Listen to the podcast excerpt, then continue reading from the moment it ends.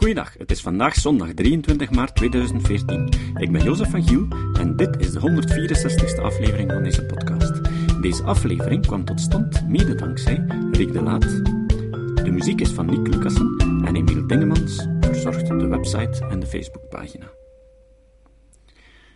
Vandaag horen jullie een tekst van Adam Grant, die hij op LinkedIn postte. Stefan Sutens vertaalde hem en Rick maakte verbeteringen. Grant is professor psychologie aan Wharton School. Hij is auteur van het boek Give and Take en doseert prosociale motivatie. Zeg vaarwel tegen MBTI, de rage die niet zal verdwijnen. Mijn naam is Adam Grant en ik ben INTJ. Dat heb ik geleerd uit een zeer populaire persoonlijkheidstest, die bij meer dan 2,5 miljoen mensen per jaar afgenomen wordt. Hij wordt door 89 van de Fortune 100 bedrijven gebruikt.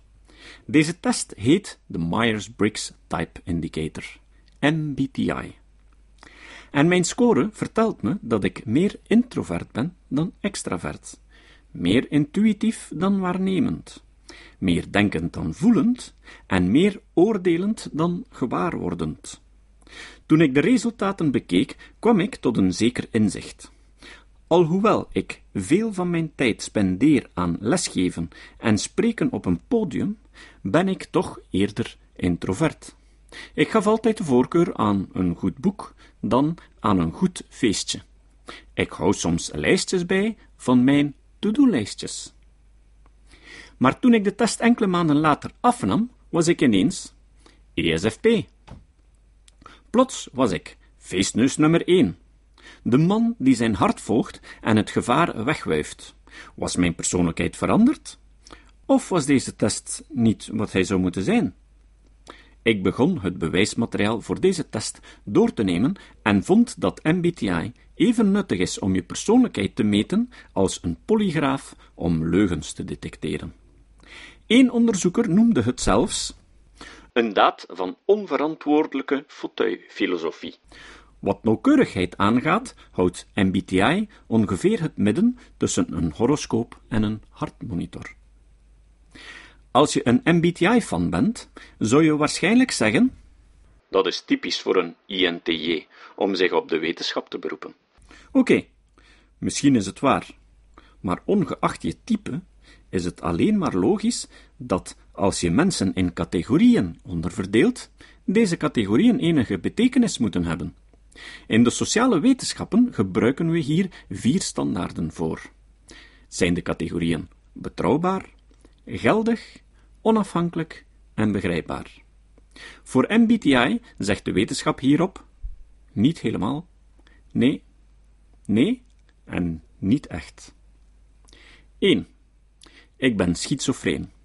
Een test is betrouwbaar als hij dezelfde resultaten produceert als hij door verschillende personen wordt afgenomen. Als je denkt dat je been gebroken is, dan kan je er zekerder van zijn wanneer twee radiologen allebei een breuk als diagnose stellen. In persoonlijkheidstesten betekent betrouwbaarheid dat je door de tijd heen consistente resultaten krijgt, of gelijkaardige resultaten wanneer deze ingevuld worden door meerdere personen die me goed kennen. Zoals mijn inconsistente score al aangaf, scoort MBTI niet goed op betrouwbaarheid. Onderzoek toont aan dat tot driekwart van de testpersonen een andere score krijgt wanneer ze een tweede keer getest worden schrijft Annie Murphy Paul in The Cult of Personality Testing. Bovendien hebben de 16 verschillende types die door Myers-Briggs beschreven worden helemaal geen wetenschappelijke basis. In een recent artikel voegt Roman Krasnarik eraan toe dat als je de test twee keer met een tussenpauze van vijf weken neemt, is er een kans van 50% dat je in een andere categorie terechtkomt. 2. De testresultaten kunnen minder accuraat zijn dan ze lijken. Een test is geldig als hij valabele uitkomsten voorspelt. Als we hem in organisaties gaan gebruiken, zou hij een idee moeten geven over hoe goed of hoe slecht ik zou functioneren in een specifieke job of in een bepaalde groep mensen. Alhoewel er onderzoeken zijn die suggereren dat sommige functies ook specifieke types aantrekken, is er geen enkel overtuigend bewijs dat werkprestaties en teameffectiviteit gekoppeld zijn aan bepaalde types. Zoals de managementonderzoekers William Gardner en Mark McIntosh in een veelomvattend overzicht schrijven, er werden slechts weinig consistente relaties tussen type en managementeffectiviteit aangetoond. 3. Appelen en sinaasappelen zijn beide fruit.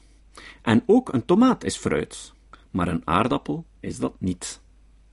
Categorieën sluiten elkaar uit als ze verschillende eigenschappen uit elkaar houden en overeenkomstige eigenschappen combineren.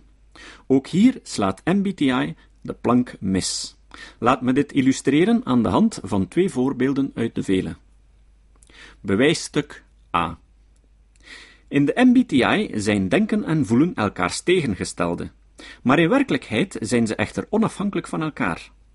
We hebben 30 jaar aan bewijs dat als je ideeën en harde cijfers leuk vindt, je ook mensen en emoties leuk kan vinden. In feite gaan ze zelfs vaker samen dan dat ze apart voorkomen. Onderzoek toont aan dat mensen met een sterke neiging tot nadenken en redeneren ook vaak beter zijn in het herkennen, begrijpen en omgaan met emoties. Wanneer ik de ene keer goed scoor als denker en de andere keer als voeler, is dat omdat ik beide leuk vind. Eigenlijk zou ik voor de twee een aparte score moeten hebben. Bewijsstuk B. De gevoelsdimensie zou moeten uitdrukken hoe ik me opstel ten opzichte van andere mensen en hun emoties. Maar dit groepeert eigenlijk drie aparte eigenschappen. Een positieve opstelling naar andere mensen, de neiging om negatieve emoties van anderen te voelen en hoe gevoelig ik voor deze emoties ben. 4. Een fysisch onderzoek dat je torso en één van je armen negeert. Een veelomvattende test beoordeelt de bestaande hoofdcategorieën. Een van de ontbrekende vitale elementen in de MBTI is wat persoonlijkheidspsychologen de emotionele stabiliteit tegenover reactiviteit noemen, of de kunst om onder stress of druk kalm en beheerst te blijven. Dit blijkt een van de belangrijkste voorspellers van individuele of collectieve patronen van gedachten, gevoel en reacties te zijn. Dit is dus een ongelukkige vergetelheid. Nog een voorbeeld. De oordeel-waarneem, judging-perceiving, dimensie in MBTI geeft aan of ik een planner en organisator ben, maar gaat voorbij aan de ijver of de prestatiedruk die deze eigenschappen met zich meebrengen. Samen vormen ze een persoonlijkheidskenmerk dat conscientieusheid wordt genoemd. Zoals persoonlijkheidspsychologen Robert McRae en Paul Costa het samenvatten, de MBTI geeft geen alomvattende informatie over de vier domeinen die het zou moeten opmeten. Zelfs introvert-extravert, de eigenschap die MBTI het best kan beschrijven, is niet compleet. Volgens MBTI is extraversie datgene waaruit je energie haalt, namelijk uit je uitwendige wereld, extravert, of uit je inwendige wereld, introvert. Deels klopt dit, maar dat is niet omdat je een voorkeur hebt voor interactie met mensen. De scores worden sterk beïnvloed door hoe onze hersenen omgaan met neocorticale opwinding, zoals Susan Kane het uitlegt in Quiet. Meer dan duizend studies die wereldwijd zijn uitgevoerd, tonen aan dat introverte personen gevoeliger dan extraverte zijn voor een race aan stimuli, van koffie over een luide knal tot een saai netwerkevenement. Daarbij komt nog dat, net zoals alle persoonlijkheidskenmerken, introvertheid en extrovertheid de vorm hebben van een Gauss-curve. De grootste populatie zit ergens in het midden. De grote meerderheid van mensen zijn dus ambivert, dus ergens tussen introvert en extravert. Om het in de woorden van Dan Pink in zijn boek To Sell is Human te zeggen, de meeste mensen zijn niet overmatig extravert, noch overmatig introvert. Waarom dan toch zo geliefd? Waarom blijft MBTI zo populair, ondanks al deze problemen? Murphy Paul argumenteert dat mensen om twee redenen aan de test blijven vasthouden. De eerste is dat duizenden mensen tijd en geld hebben geïnvesteerd om een MBTI-gecertificeerde trainer of coach te worden. Het is moeilijk om dingen los te laten waarin je veel energie stak. De andere reden is de aha-erlevenis die mensen beleven wanneer deze test hen schijnbaar inzicht geeft over anderen en speciaal over zichzelf.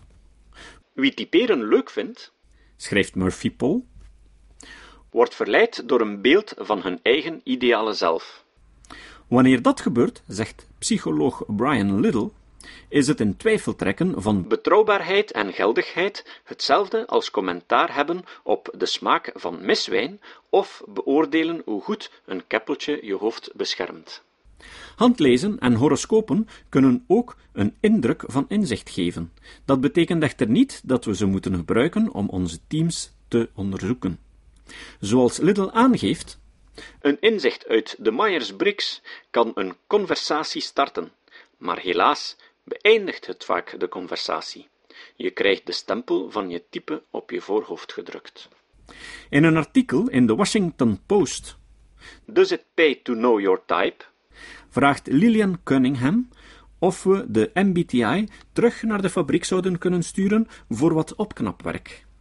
Het antwoord van Little dat is een beetje zoals een Dodge-caravan nemen en deze proberen om te bouwen naar een Rolls-Royce. In plaats daarvan hebben psychologen de voorbije halve eeuw gewerkt om vanaf nul een betere wagen te maken door gebruik te maken van de wetenschappelijke methode. Deze auto heet de Big Five persoonlijkheidskenmerken en voldoet aan de standaarden die ik daar straks vermeldde. In vele culturen van deze wereld komen vijf persoonlijkheidskenmerken steeds weer boven: extraversie, emotionele stabiliteit, meegaandheid, conscientieusheid en openheid. De Big Five kenmerken hebben een hoge betrouwbaarheid en geven een goed idee van jobperformance en teameffectiviteit. Ze hebben zelfs genetische en biologische basissen en onderzoekers in het opkomende onderzoeksveld van persoonlijkheidsneurowetenschap zijn begonnen met het in kaart te brengen van de vijf kenmerken in de bijhorende hersengebieden. De Big Five zijn verre van perfect, en er is een groeiende steun voor een hexaco-model voor de persoonlijkheid dat een zesde eigenschap zou toevoegen. Eerlijkheid, nederigheid. Het grootste probleem van de Big Five is marketing. De meeste mensen willen graag meegaand genoemd worden in plaats van onmeegaand. Het zou beter uitgedrukt worden als ondersteunend versus uitdagend. Tot dan moeten we allemaal erkennen dat die vier letters iemands persoonlijkheid niet goed inschatten. Dus, leiders, consultants, raadgevers, coaches en leraars staan me bij om deze boodschap over te brengen. MBTI. Ik maak het uit met je. Het ligt niet aan mij. De fout zit bij jou. En vandaag horen jullie nog een tweede tekst. Deze komt uit de website The Conversation. Is geschreven door Patrick Stokes en Rick heeft hem vertaald. Nee, je hebt geen recht op je eigen mening.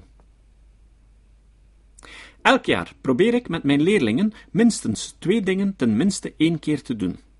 Ten eerste maak ik er een punt van hen aan te pakken als filosoof. Een beetje melig, maar hopelijk zet het hen aan tot actief leren.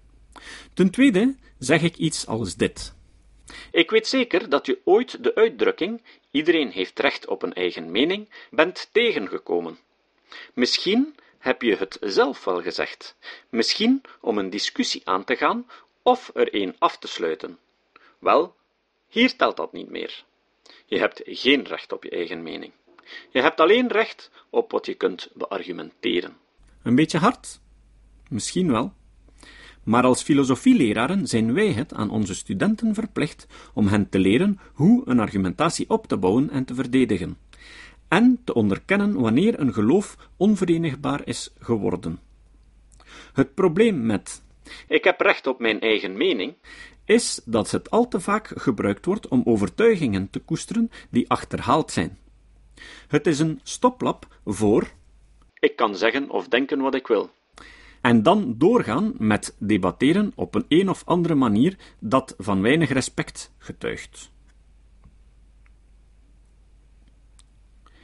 Ik vind dat deze houding ten onrechte uitgaat van een valse gelijkwaardigheid tussen experts en niet-experts. Dat wordt langzamerhand een steeds nefaster kenmerk van ons publieke discours. Ten eerste, wat is een mening? Plato maakte onderscheid tussen mening of alledaagse overtuiging, doxa, en zekere kennis. En dat is vandaag nog steeds een werkbaar onderscheid. In tegenstelling tot 1 plus 1 is 2 of er bestaan geen vierkante cirkels, heeft een mening een zekere mate van subjectiviteit en onzekerheid. Mening gaat van smaken en voorkeuren via opvattingen over vragen die betrekking hebben op veiligheid of politiek, tot inzicht gebaseerd op technische expertise, zoals juridische of wetenschappelijke adviezen. Je kunt niet echt discussiëren over de eerste soort van mening. Het zou onnozel zijn mocht ik zeggen dat jij verkeerd bent als je denkt dat aardbeienijs beter is dan chocoladeijs. Het probleem is dat we soms impliciet meningen van de tweede en zelfs de derde soort op dezelfde manier bekijken als vragen over smaken. Misschien is dat een reden, ongetwijfeld zijn er andere, Waarom enthousiaste amateurs denken dat ze het recht hebben om het niet eens te zijn met klimaatwetenschappers en immunologen en hun standpunt gerespecteerd willen zien. Marin Dory is aanvoerster van het Australian Vaccination Network, dat ondanks de naam erg anti-vaccin is. Mevrouw Dory heeft geen medische kwalificaties, maar stelt dat als Bob Brown, als niet-wetenschapper commentaar mag leveren op kernenergie, zij ook commentaar mag leveren op vaccins. Maar niemand noemt Dr. Brown een autoriteit in de fysica van kernsplijting. Zijn taak is het om commentaar te leveren op de beleidsreacties op de wetenschap, niet op de wetenschap zelf. Dus, wat betekent het om recht te hebben op een mening? Als iedereen recht heeft op zijn mening, gewoon betekent dat niemand het recht heeft mensen te verbieden te denken en zeggen wat ze willen, dan is de uitspraak waar, maar vrij triviaal. Niemand kan je verbieden te zeggen dat vaccins autisme veroorzaken, ongeacht hoe vaak die bewering is weerlegd. Maar als recht op een mening hetzelfde zou betekenen als het recht om je standpunten als serieuze kandidaten voor de waarheid behandeld te zien, dan is het nogal duidelijk vals. Ook dit onderscheid is aan het vervagen. Een voorbeeld. Er werd kritiek geuit op een tv-reportage over een uitbraak van mazelen met commentaar van, je raadt het al, Meryl Dory. In een reactie op een klacht van een kijker zei de zender dat de reportage nauwkeurig, eerlijk en evenwichtig de standpunten van artsen en keuzegroepen presenteerde maar dit impliceert een gelijk recht om te worden gehoord over een zaak waarin alleen één van de twee partijen over de relevante expertise beschikt. Nogmaals, als dit ging over beleidsreacties op een wetenschap, zou dit redelijk zijn. Maar het zogenaamde debat ging hier over de wetenschap zelf, en de keuzegroepen hebben gewoon geen recht op zendtijd bij dit soort meningsverschillen. Mediawatch-gastheer Jonathan Holmes zei het beduidend botter. Je hebt bewijsmateriaal en je hebt zeven in pakjes. En het is geen onderdeel van het takenpakket van een verslaggever om aan zeven pakjes evenveel zijn tijd te geven als aan een ernstige deskundigheid. De reactie van de antivaccinatiestemmen was voorspelbaar. Op de site van MediaWatch beschuldigde mevrouw Dorsey ABC van oproep tot censuur van een wetenschappelijk debat. Deze reactie verwart het niet serieus nemen van je standpunt met het niet mogen hebben of uiten ervan. Of zoals Andrew Brown het zegt, het verwart het verliezen van een discussie met het ontzeggen van het recht om te discussiëren. Opnieuw worden twee betekenissen van recht op een mening door elkaar gehaald. Als je nog eens mensen hoort zeggen dat ze recht hebben op hun mening, vraag hen dan waarom ze dat denken. De kans is groot dat je dan tenminste een aangenamer conversatie zal hebben.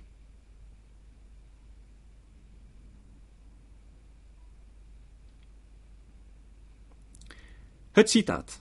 Het citaat van vandaag is van Bernard Shaw en komt uit zijn toneelstuk Pygmalion. Mocht je het boek Pygmalion niet kennen, dan ken je zeker de musical My Fair Lady, die erop is geïnspireerd. Pygmalion is origineel een oud-Griekse mythologische beeldhouwer die verliefd wordt op zijn zelfgemaakt standbeeld. Bernard Shaw was een belangrijke Ierse auteur uit de 19e en 20e eeuw. Hij ontving ooit de Nobelprijs voor de literatuur en weigerde het geld. Hij was een pionier op het gebied van vrouwenrechten. De reden dat ik dit citaat uitkoos, is dat het heel mooi beschrijft wat er gebeurt als je mensen probeert te typeren op basis van niet onderbouwde modellen. Shaw zei: Het verschil tussen een dame en een bloemenmeisje ligt niet in de manier waarop ze zich gedraagt, maar in de manier waarop ze wordt behandeld. Tot de volgende keer. Dit was de podcast Kritisch Denken. Vergeet niet om alles kritisch te behandelen, ook deze podcast. Voor verdere informatie over deze podcast, links en voor de tekst, surf naar www.kritischdenken.info. Als je deze podcast belangrijk vindt, kun je me steunen door anderen warm te maken ook eens te luisteren. Stuur een e-mail naar vrienden met een link naar de website en plaats de link in de handtekening van je e-mails. Tevens kun je op iTunes deze podcast een beoordeling geven of een recensie schrijven. Of je kan op je eigen website of blog een link naar kritisch denken plaatsen.